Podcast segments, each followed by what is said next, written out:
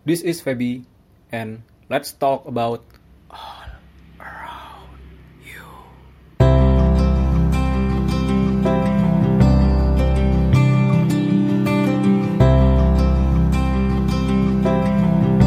Eh, di kesempatan kali ini gue pengen ngobrol sama eh teman yang nggak jauh ini baru kenal dari baru, Kita tuh bulan ini kayaknya. bulan apa ya Desember November sekitar November. itulah mm-mm, pas lagi yang Iya. itu acara yang pas plotnos aja enggak kali ya kita ya PWK. nggak Pas bersinggungan pelatnas enggak, cuman Enggak. cuman aku tahu dari foto jualan jaket aja itu. ya ampun itu foto heboh banget ya sampai ada stikernya itu kan Iya. Oke, ya Kak. Eh, Mhm. Ini ngobrol sama Kak Aya, seorang alumni pengajar muda angkatan 16 Kak ya. Mm-mm, bener angkatan 16 Penempatan di mana itu Kak? di Kabupaten Hulu Sungai Selatan tahu nggak di mana itu Kalimantan Selatan. ah benar sekali Saya sudah baca-baca dulu.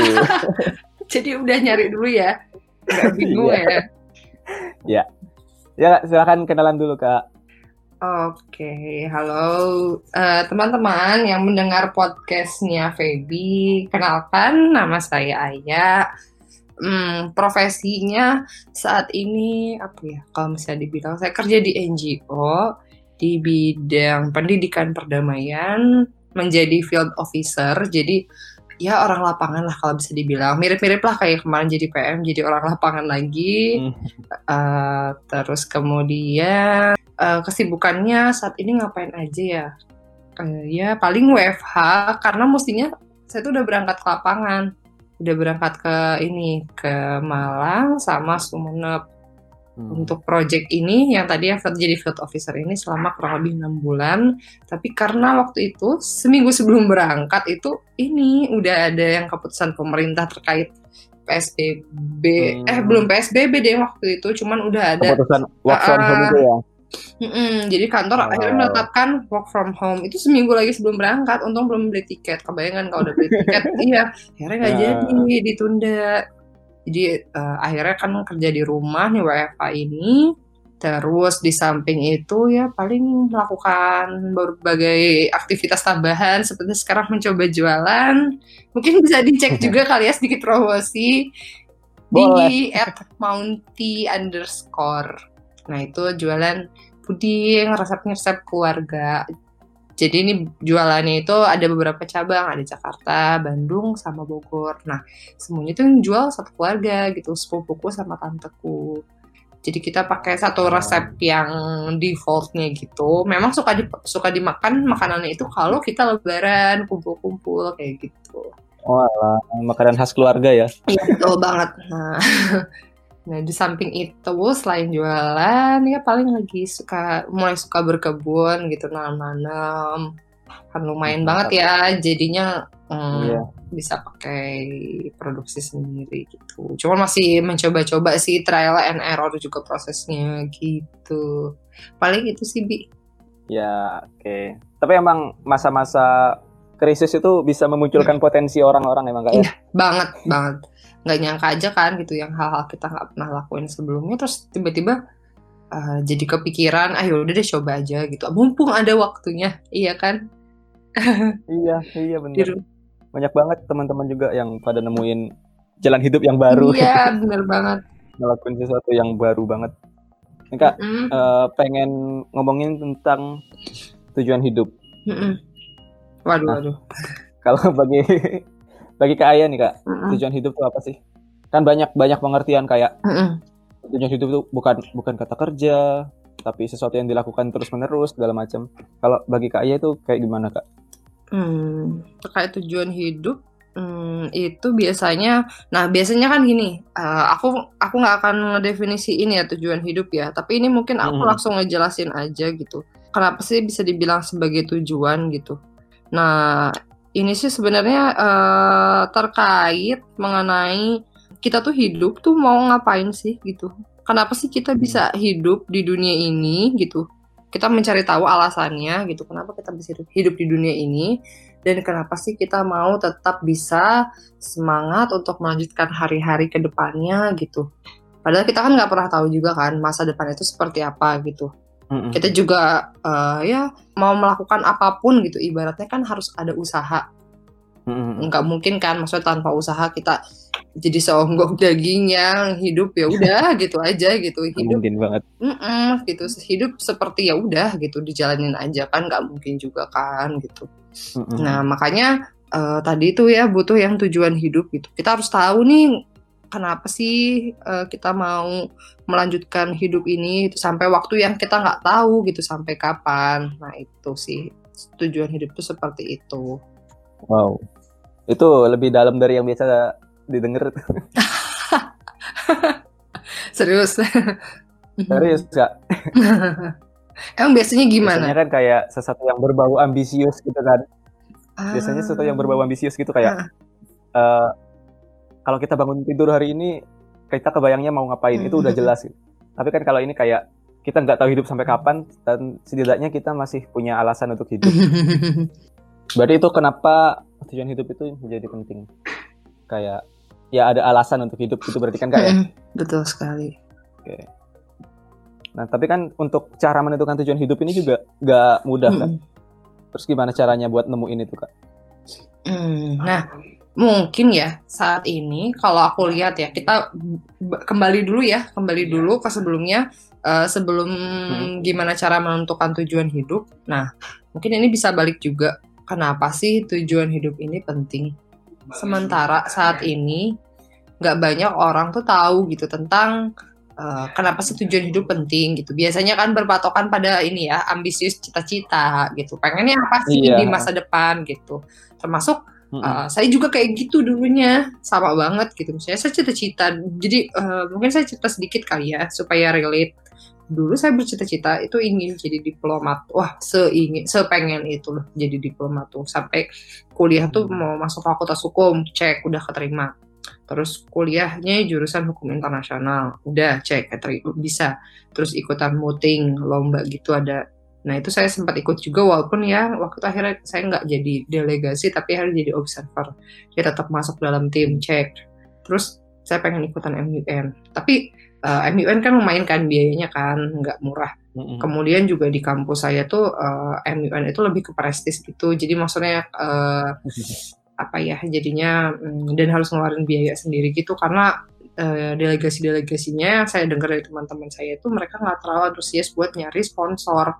Sementara yang saya tahu waktu itu di kampus tetangga teman saya cerita mereka tuh bener-bener eh, nyari sponsor tuh sampai 100% full gitu. Jadi saya Wow. ngerasa kayaknya waduh nih kayaknya saya nggak akan cocok di sini gitu maksudnya karena kejadian tuh yang di kampus saya itu ada temen yang cerita ada temannya itu batal ikut karena nggak punya biaya dan gak ada ya, ya usahanya ya udah gitu kan tim yang lain teman-teman dalam satu timnya tuh nggak mau usaha buat dapetin itu gitu kan. Jadi sayang ya. Nah sementara itu Iya. MUN-nya ke Amerika. Wah bayangkan keluar duit berapa coba gitu. Jadi saya akhirnya memutuskan untuk enggak gitu. Nah kemudian di tengah perjalanan saya ngelihat kayaknya saya kurang cocok gitu sama eh, lingkungan yang untuk ke sana gitu. Maksudnya culture budayanya.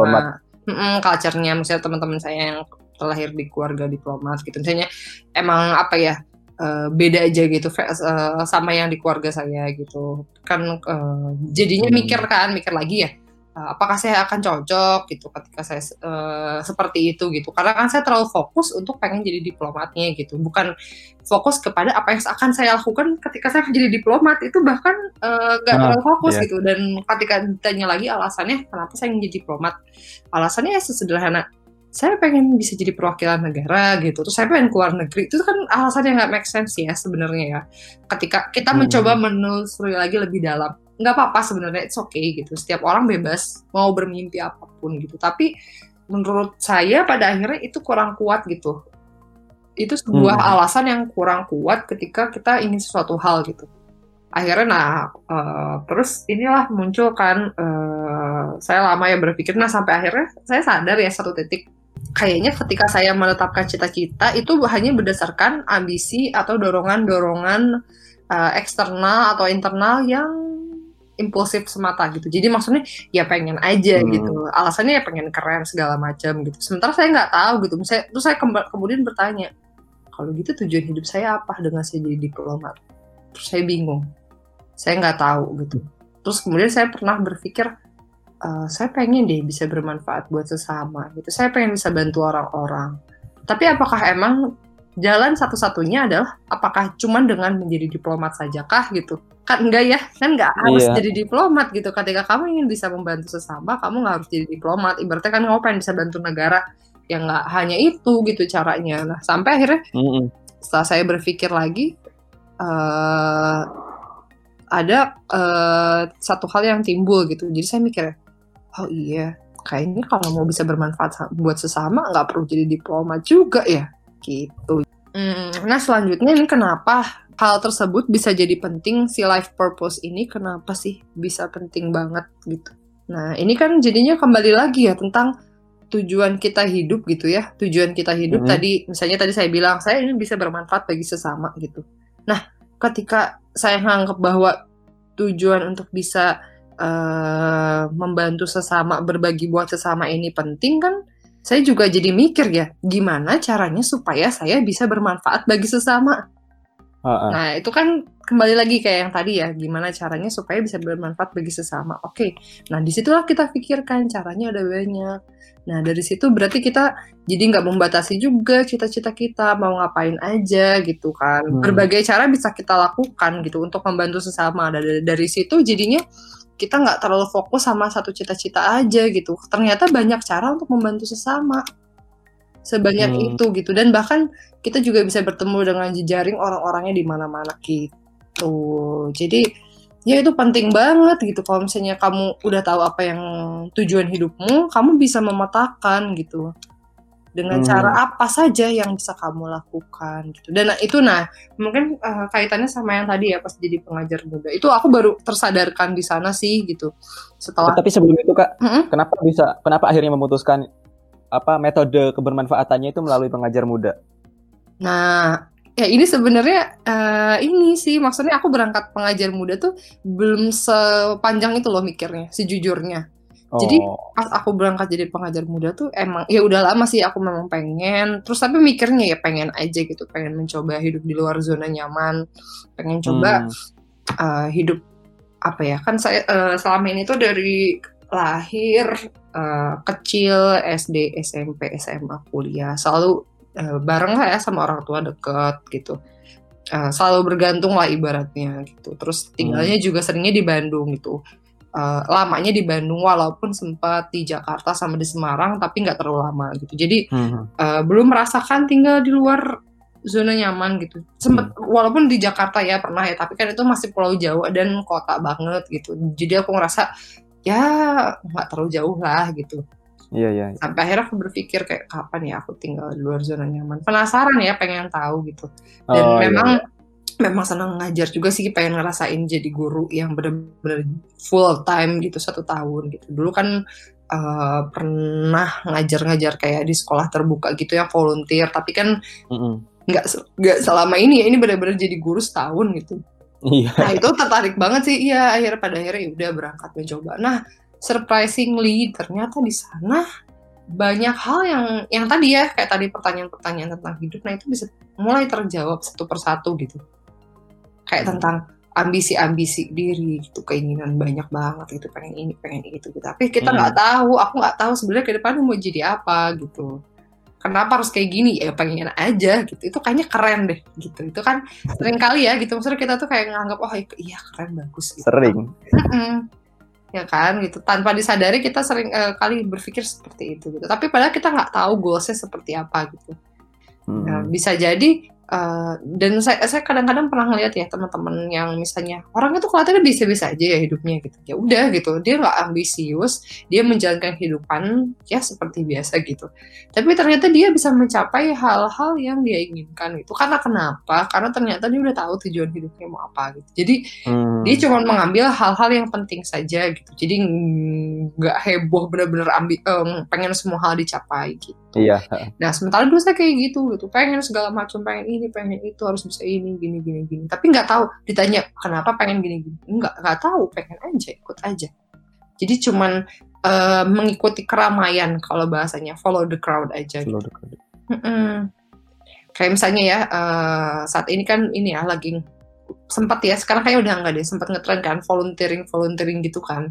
Berangkat berangkat hmm. ikut apa segala macam nah itu iya. uh, uh, itu kan biasanya karena ikutan aja kan. Nah ketika udah nggak hip udah nggak uh, dianggap oke okay, gitu kayak ada hal lain ya misalnya kayak sekarang lebih musim dulu kan musim ya uh, di bidang pendidikan volunteering. Sekarang yeah. kan lagi musimnya advokasi yang masalah mental health atau misalnya ah, yeah masalah gender ya kesetaraan gender biasanya itu gitu. Nah itu iya. uh, ketika pendidikan udah dianggap uh, ya nggak seseksi dulu lagi nggak sekeren dulu lagi lah gitu. Nah itu sih gitu. Makanya itu sih yang bikin hal-hal seperti itu. Kan sayang juga ya maksudnya kita uh, ngikutin kayak gitu maksudnya itu hal yang baik kok. Cuman sayang aja gitu. Kalau misalnya itu berhenti karena kita cuma ngikutin apa yang lagi tren di masyarakat. Bukan karena panggilan kita gitu kita ngerasa apa sih yang penting buat kita? Gitu. Pada akhirnya jadinya ke sana gitu. Dan itu saya ngerasa banget kayak saya ngapain ya ngikutin orang? Padahal saya belum tahu gitu saya tuh mau apa? Gitu. Emang cita-cita emang cita-cita atau tujuan hidup saya sama gitu kayak orang-orang kan? Enggak juga kan kayak gitu. Nah akhirnya hmm, ketika yang tadi ya uh, saya ikut pengajar muda kemudian sering banget ya uh, saya punya waktu luang untuk bisa diem di depan rumah saya. Kebetulan rumah saya tuh depan sungai, hmm. jadi uh, benar-benar ya udah sebelahnya harus sebelah rumahnya udah nyemplung sungai gitu karena kan pakai uh, kayu ya, jadi uh, memang ditanam ke sungai gitu rumahnya. Nah itu di situ tuh banyak banget proses berpikir diam. Saya bisa uh, meditasi ala-ala ya kalau misalnya nggak meditasi banget sih, cuman itu mungkin meditasi sesungguhnya mungkin kayak gitu kak. Nah bisa jadi kali ya mungkin kayak gitu yeah. di alam gitu. Nah akhirnya di situ saya banyak berpikir. Nah terkait hal-hal yang tadi ya saya cerita yang tentang tujuan hidup segala macam itu. Nah itu proses berpikirnya di situ gitu akhirnya gitu. Hmm. saya berpikir uh, kayaknya saat selama ini saya uh, membuang waktu saya untuk uh, ini sih tujuan yang saya yang salah gitu tujuan saya yang tak terarah ini gitu. Sampai akhirnya hmm. saya ngerasa kok terbuang ya waktunya sia-sia. Tapi ya udah gitu maksudnya alhamdulillah pada akhirnya bisa tersadarkan gitu bahwa ya hidup perlu tujuan gitu. Berarti kakak sekarang punya tujuan hidup? Tujuan hidup kakak apa kak? Uh, tujuan hidup ya pengen bisa bermanfaat buat sesama sih kalau sederhana itu sih maksudnya saya pengen hmm. bisa bermanfaat buat sesama uh, karena apa ya? Ya kita nggak tahu kan ya sampai kapan ya dikasih kesempatan hidup. Nah itu sih itu udah pada akhirnya saya berpikir seperti itu gitu. Maksudnya ketika hmm. saya bilang saya pengen bisa bermanfaat buat sesama. Oke apa kira-kira yang bisa anda lakukan? Nah dari situ baru ya kan kita bisa bikin oh, pemetaan ya. apa yang bisa dilakukan. Oh ya. jadi garis besarnya udah ada. Hmm. di situ baru nyari tools toolsnya gimana? Iya betul sekali jadi tentukan goalsnya dulu. tentukan goalsnya. Kan banyak orang yang masih bingung tujuan hidup mm -mm. itu mm -mm. nyarinya gimana. Mm -mm. Udah keliling-keliling kok nggak nemu-nemu gitu gitu. Mm. Udah punya satu kok ganti lagi. Itu gimana kak? Mm -mm. Uh, ini sih kalau misalnya saya pernah dengar waktu itu uh, ini menarik ya cerita dari Kak Ayu Kartika Dewi kalau pernah dengar hmm. Kak Ayu yang ini apa uh, yang Sabang Merauke itu. Kayu tuh pernah ngomong kayak gini uh, ketika kamu bisa menentukan sesuatu coba cari apa yang membuat dirimu uh, marah atau apa yang membuat dirimu tertarik. Gitu. Jadi bisa ada satu hal sebenarnya misalnya ya ketika misalnya kamu marah misalnya kamu kesel nih kamu nggak suka sama satu hal misalnya terkait apa ya uh, kalau yang saat ini sedang banyak sih orang ya saya pernah dengar tuh terkait masalah disabilitas. Misalnya saya nggak suka misalnya kakak saya tuh dis disabilitas. Misalkan ini ya ini aku bikin contohnya uh, fiktif hmm. ya Hmm, jadi kakak saya disabilitas, saya nggak suka dia dapat diskriminasi, saya nggak suka ngeliat gimana uh, negara ini memperlakukan dia gitu. Misalnya dia sulit untuk melakukan hal apa pun gitu. Bahkan buat sekolah mau berangkat ke sekolah aja susah banget. Misalnya kayak gitu. Nah itu kan bisa jadi ya jadi sebuah tujuan gitu. Ketika kamu bilang saya ingin bisa mem, merub, apa, membantu uh, ini apa perubahan kebijakan terkait disabilitas atau fasilitas-fasilitasnya bisa jadi ya kayak gitu. Nah itu kan bisa jadi jadi alasan ya bagi seseorang. Atau misalnya dia se- sebuah hal yang dia Hmm. senangi gitu. Misalnya ada satu hal yang kamu senangi bi terus kamu ya tertarik banget sama ini gitu. Nah akhirnya itu bisa jadi satu hal jadi tujuan hidupmu gitu tapi memang prosesnya nggak mudah sih memang nggak secepat itu juga gitu ya, saya aja baru ketemu tuh di umur Hmm. 25 tahun lumayan kan iya gitu. Ya, tapi emang emang sesulit Hmm. itu kak karena kalau kita sendiri nggak nyoba terjun dulu di dunia yang kita maksud itu Hmm. kita nggak bakal tahu itu jadi tujuan atau Iya, enggak kan betul atau misalnya eh, yang lebih ekstrim lagi sih ya bisa jadi yang lebih ekstrim lagi adalah menemukan diri kita di tempat yang kita eh, belum pernah tinggal sebelumnya. Ya kayak saya sih mencoba eh, untuk tinggal di luar zona nyaman ya di luar eh, Hmm. zona nyaman yang di Kalimantan itu gitu kan. Dengan kondisi yang benar-benar jauh dari kenyamanan saya dari keluarga saya.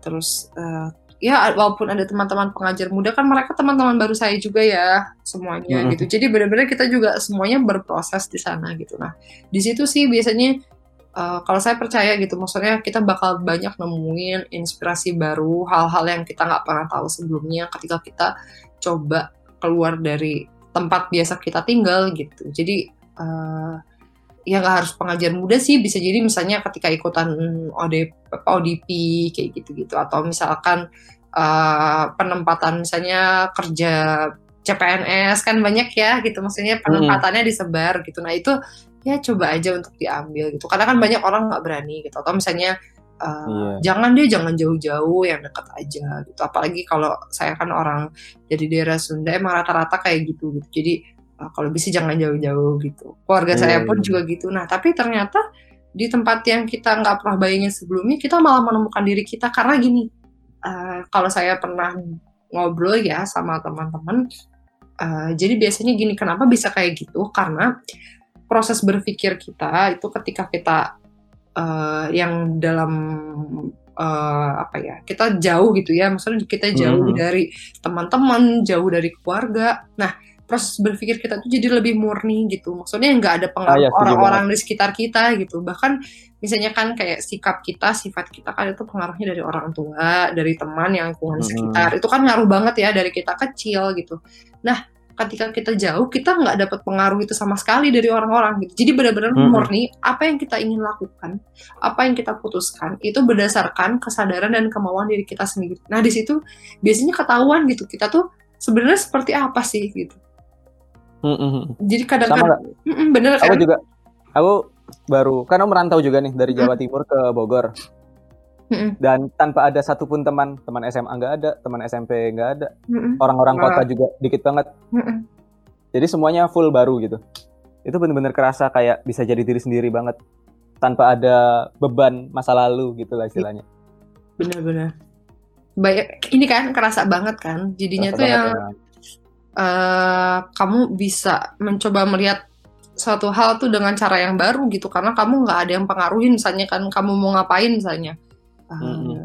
ada yang bilang misalnya enggak jangan nggak usah gitu. Itu nggak boleh gini gini gini. Nah Mm-mm. sementara ini kan kayak nggak ada yang ngasih tahu gitu kamu harus ngapain gitu. Jadi kamu kan berpikir ya kayaknya seperti apa ya baiknya gitu. Terus eh, ketemu orang-orang baru kita ngelihat perspektif baru gitu jadinya iya bener Iya kan gitu. Nah itu sih sebenarnya biasanya ya yang suka bikin orang menem- mudah menemukan tujuan hidupnya. Makanya saya suka dengar gak sih ada orang yang misalnya eh, kerja puluhan tahun di perusahaan multinasional, kemudian memutuskan keluar bertapa di apa ya, bertapa di Himalaya gitu. Nah terus akhirnya dia menemukan tujuan hidupnya kayak gitu-gitu kan biasanya ya kayak cerita-cerita tuh.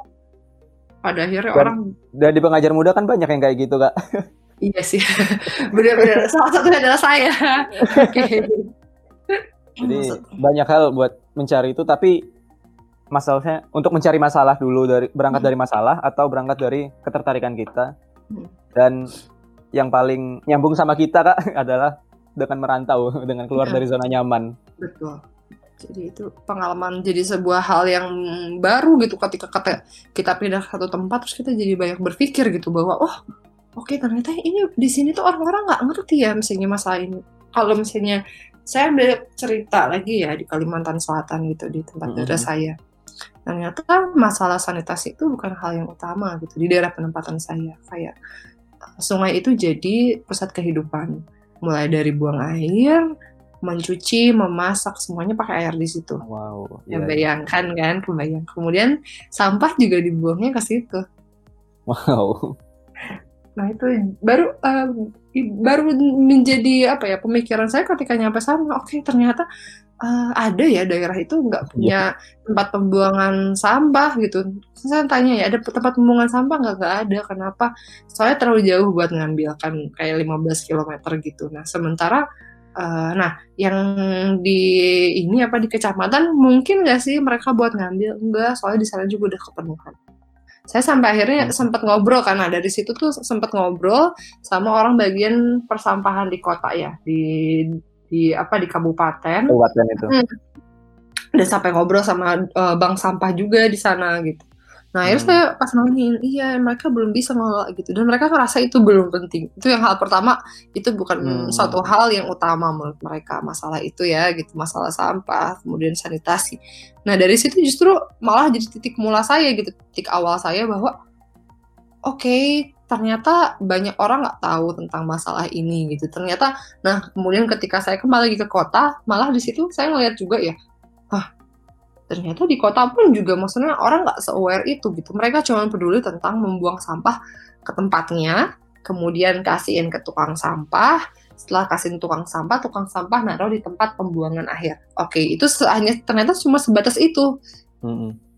Jadi ada hal-hal yang misalnya ya kayak gitu ya tentang concern tentang sampah misalnya. Kayak sekarang saya tuh jadinya eh jadi ada concern lah terkait hal itu gitu maksudnya untuk perbaikan sistem yang pengelolaan sampah seperti apa gitu. Nah dari situlah misalnya ya salah satu halnya yang menurut saya ya bisa berkembang dalam diri saya. Sekarang saya di rumah udah nggak eh, buang sampah lagi misalnya eh, maksudnya dulu kan buang sampah pada tempatnya. Nah sekarang saya sudah mulai berpikir gitu bahwa sampah organik dengan sampah anorganik itu harus dipisah gitu. Pada akhirnya saya bisa membuat di rumah eh, sama ayah saya kita bikin eh, ini apa bokashi. Dulu awalnya masih ini sih eh, kayak kompos biasa gitu. Jadi Kompos. sampah yang ini apa sampah eh, organik, sama dapur di- gitu-gitu ya. dimasukkan ke dalam tanah, digali. Jadi kami gali tanah gitu terus dikubur. Nah, awalnya kayak gitu. Nah, sekarang eh, nemuin sistem yang lebih nyaman lagi itu namanya tadi yang bokashi itu. Jadi bokashi itu sampahnya dimasukin ke dalam ember terus dimasukkan mikroorganisme biar nggak bau nanti dibantu diuraikan nanti Hmm. keluar ada eh, pupuk cairnya gitu Oh ada pupuk cairnya juga. Tahu itu jadi- bakal jadi tanah doang gitu ternyata ada pupuk. Nggak, ada pupuk cairnya. Jadi kita bikin yang si embernya ini dikasih eh, kayak dispenser gitu, dikasih yang buat eh, ngeluarin airnya. Nah itu yang air Hmm. yang keluarnya itu, nah si airnya pupuk cairnya itu, air bokashinya. Nah itu eh, seminggu tuh bisa dua kali dipanennya si airnya Wow. itu. Nah terus nanti si yang pupuk eh, ininya, pupuk yang dari eh, or- makanan organiknya itu eh, itu nanti setelah sebulan didiamkan nanti dimasukin ke tanah deh digali gitu jadi eh, ya kayak hal-hal seperti itu dulu saya nggak pernah sadar gitu nggak pernah luput dari pengamatan saya walaupun sebenarnya udah banyak ya orang misalnya menerapkan itu gitu tapi kan ketika kita nggak punya kesadaran kan ya Hmm. percuma juga kita nggak akan bantu itu gitu kita nggak akan Nah, bantu untuk melakukan Karena kita nggak nganggap itu penting. Betul Belum, sekali, ya kan? exactly kayak gitu. Pada akhirnya ketika saya udah nyadar ya, saya menyadari, oh kayaknya ini penting ya. Akhirnya saya coba terapin ini di rumah gitu. Ternyata ya menyenangkan gitu bahwa pada akhirnya kita bisa menyadari gitu hal-hal yang sebelumnya kita tuh anggap ya udah biasa aja gitu.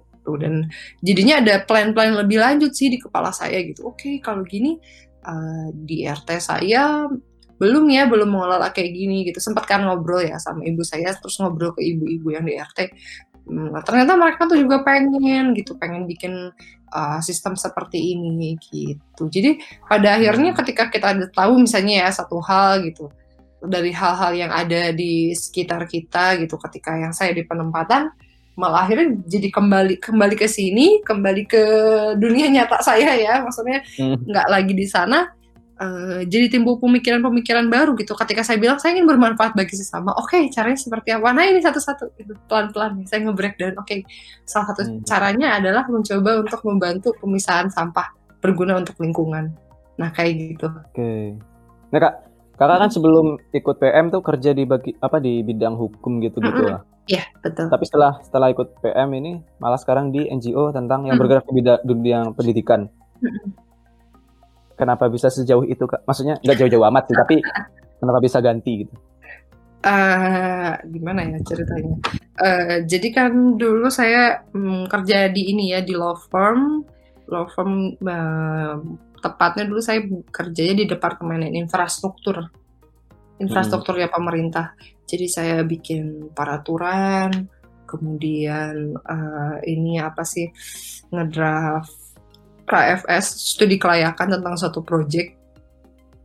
Sebenarnya saya suka sih di bidang itu gitu. Cuman pada akhirnya saya menyadari ada satu hal lain yang menurut saya uh, saya bisa lebih bisa bermanfaat untuk sesama. Itu juga sangat sih bisa bermanfaat bagi sesama gitu. Cuman pada akhirnya beda value sih sebenarnya gitu. Karena kan itu kan uh, project uh, infrastruktur kan ini apa saya kebetulan dulu di bidang PPP KPBU kerja sama pemerintah dengan badan usaha atau public private partnership gitu. Jadi pernah dengar nggak sih kayak proyek-proyek pemerintah infrastruktur yang dulu listrik yang seribu apa sepuluh ribu watt itu?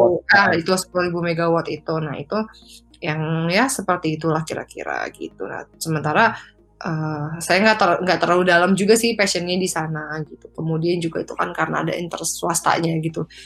ya biasalah gitu. Misalnya saya merasa uh, nah pada setelah proses perjalanan setahun saya ngerasa bahwa Mas Indonesia sebagai uh, negara yang sangat mengandalkan masyarakat, masyarakatnya sangat komunal kan gitu dan mm. menurut saya itu sebuah hal yang potensi gitu. Jadi sebenarnya kekuatan masyarakat, pemberdayaan masyarakat, kemudian uh, ini apa intervensi di bidang sosial itu sebenarnya kalau misalnya kita bisa melakukan itu tuh oke okay banget gitu karena kan setahun saya selain ngajar itu melakukan intervensi perubahan sosial kan di sana terkait pendidikan terus saya ngelihat polanya ini menarik gitu. ini bisa diterapin di kota juga gitu nggak cuma di hmm. desa gitu nah pada akhirnya saya berpikir hmm, ini saya melihat ini dengan metode ini akan banyak kebermanfaatannya gitu dan saya pikir ya udah oke okay, nggak apa-apa saya ulang lagi dari awal untuk terjun di bidang ini gitu deh gitu. Tapi kalau bidang hukum sih sebenarnya masih suka sih ngerjain kadang-kadang gitu kan sempat pas pulang juga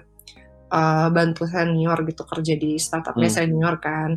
Uh, jadi saya sempat bantu sering bikin perjanjian kerjasama kayak gitu-gitu. Dan itu sifatnya untuk UMKM Hmm. Jadi ya itu sebenarnya bermanfaat juga. Nah ilmu-ilmu itu sih masih bisa dipakai juga sampai sekarang gitu. Nggak akan hilang banget gitu. Cuman fokusnya aja sih, fokusnya lebih ke sini dulu. Gitu. Mungkin okay. nanti ketika misalnya dengan ilmu hukum yang saya punya, saya bisa bantu juga gitu ketika uh, di bidang pengabdian masyarakat kan itu sangat hmm. berguna banget ya sebenarnya hmm. gitu deh. Semacam YLBHI gitu. Hmm, kayak gitu-gitu. Iya. Jadi sebenarnya udah mm, nggak mm, begitu pengaruh mau ke mana-mananya. Yang penting karena kakak udah punya tujuan utamanya tadi bermanfaat buat sesama. Mm -hmm. Jadi semua metode pun kayaknya nggak ada masalah selama itu bermanfaat gitu aja kak ya. Iya, betul gak ada alasan tertentu kenapa mm. harus pindah mm. selama itu bermanfaat. Oke, gitu aja. Ada tambahan nggak kak? Misalkan masih ada orang yang bingung nih untuk mm -hmm. tujuan hidupnya itu apa gitu. Mm -hmm. Ada saran nggak buat orang-orang kayak gitu?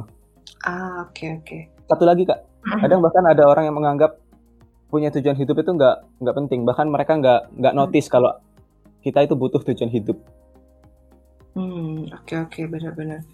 Uh, aku jawab yang kedua dulu kali ya. Iya.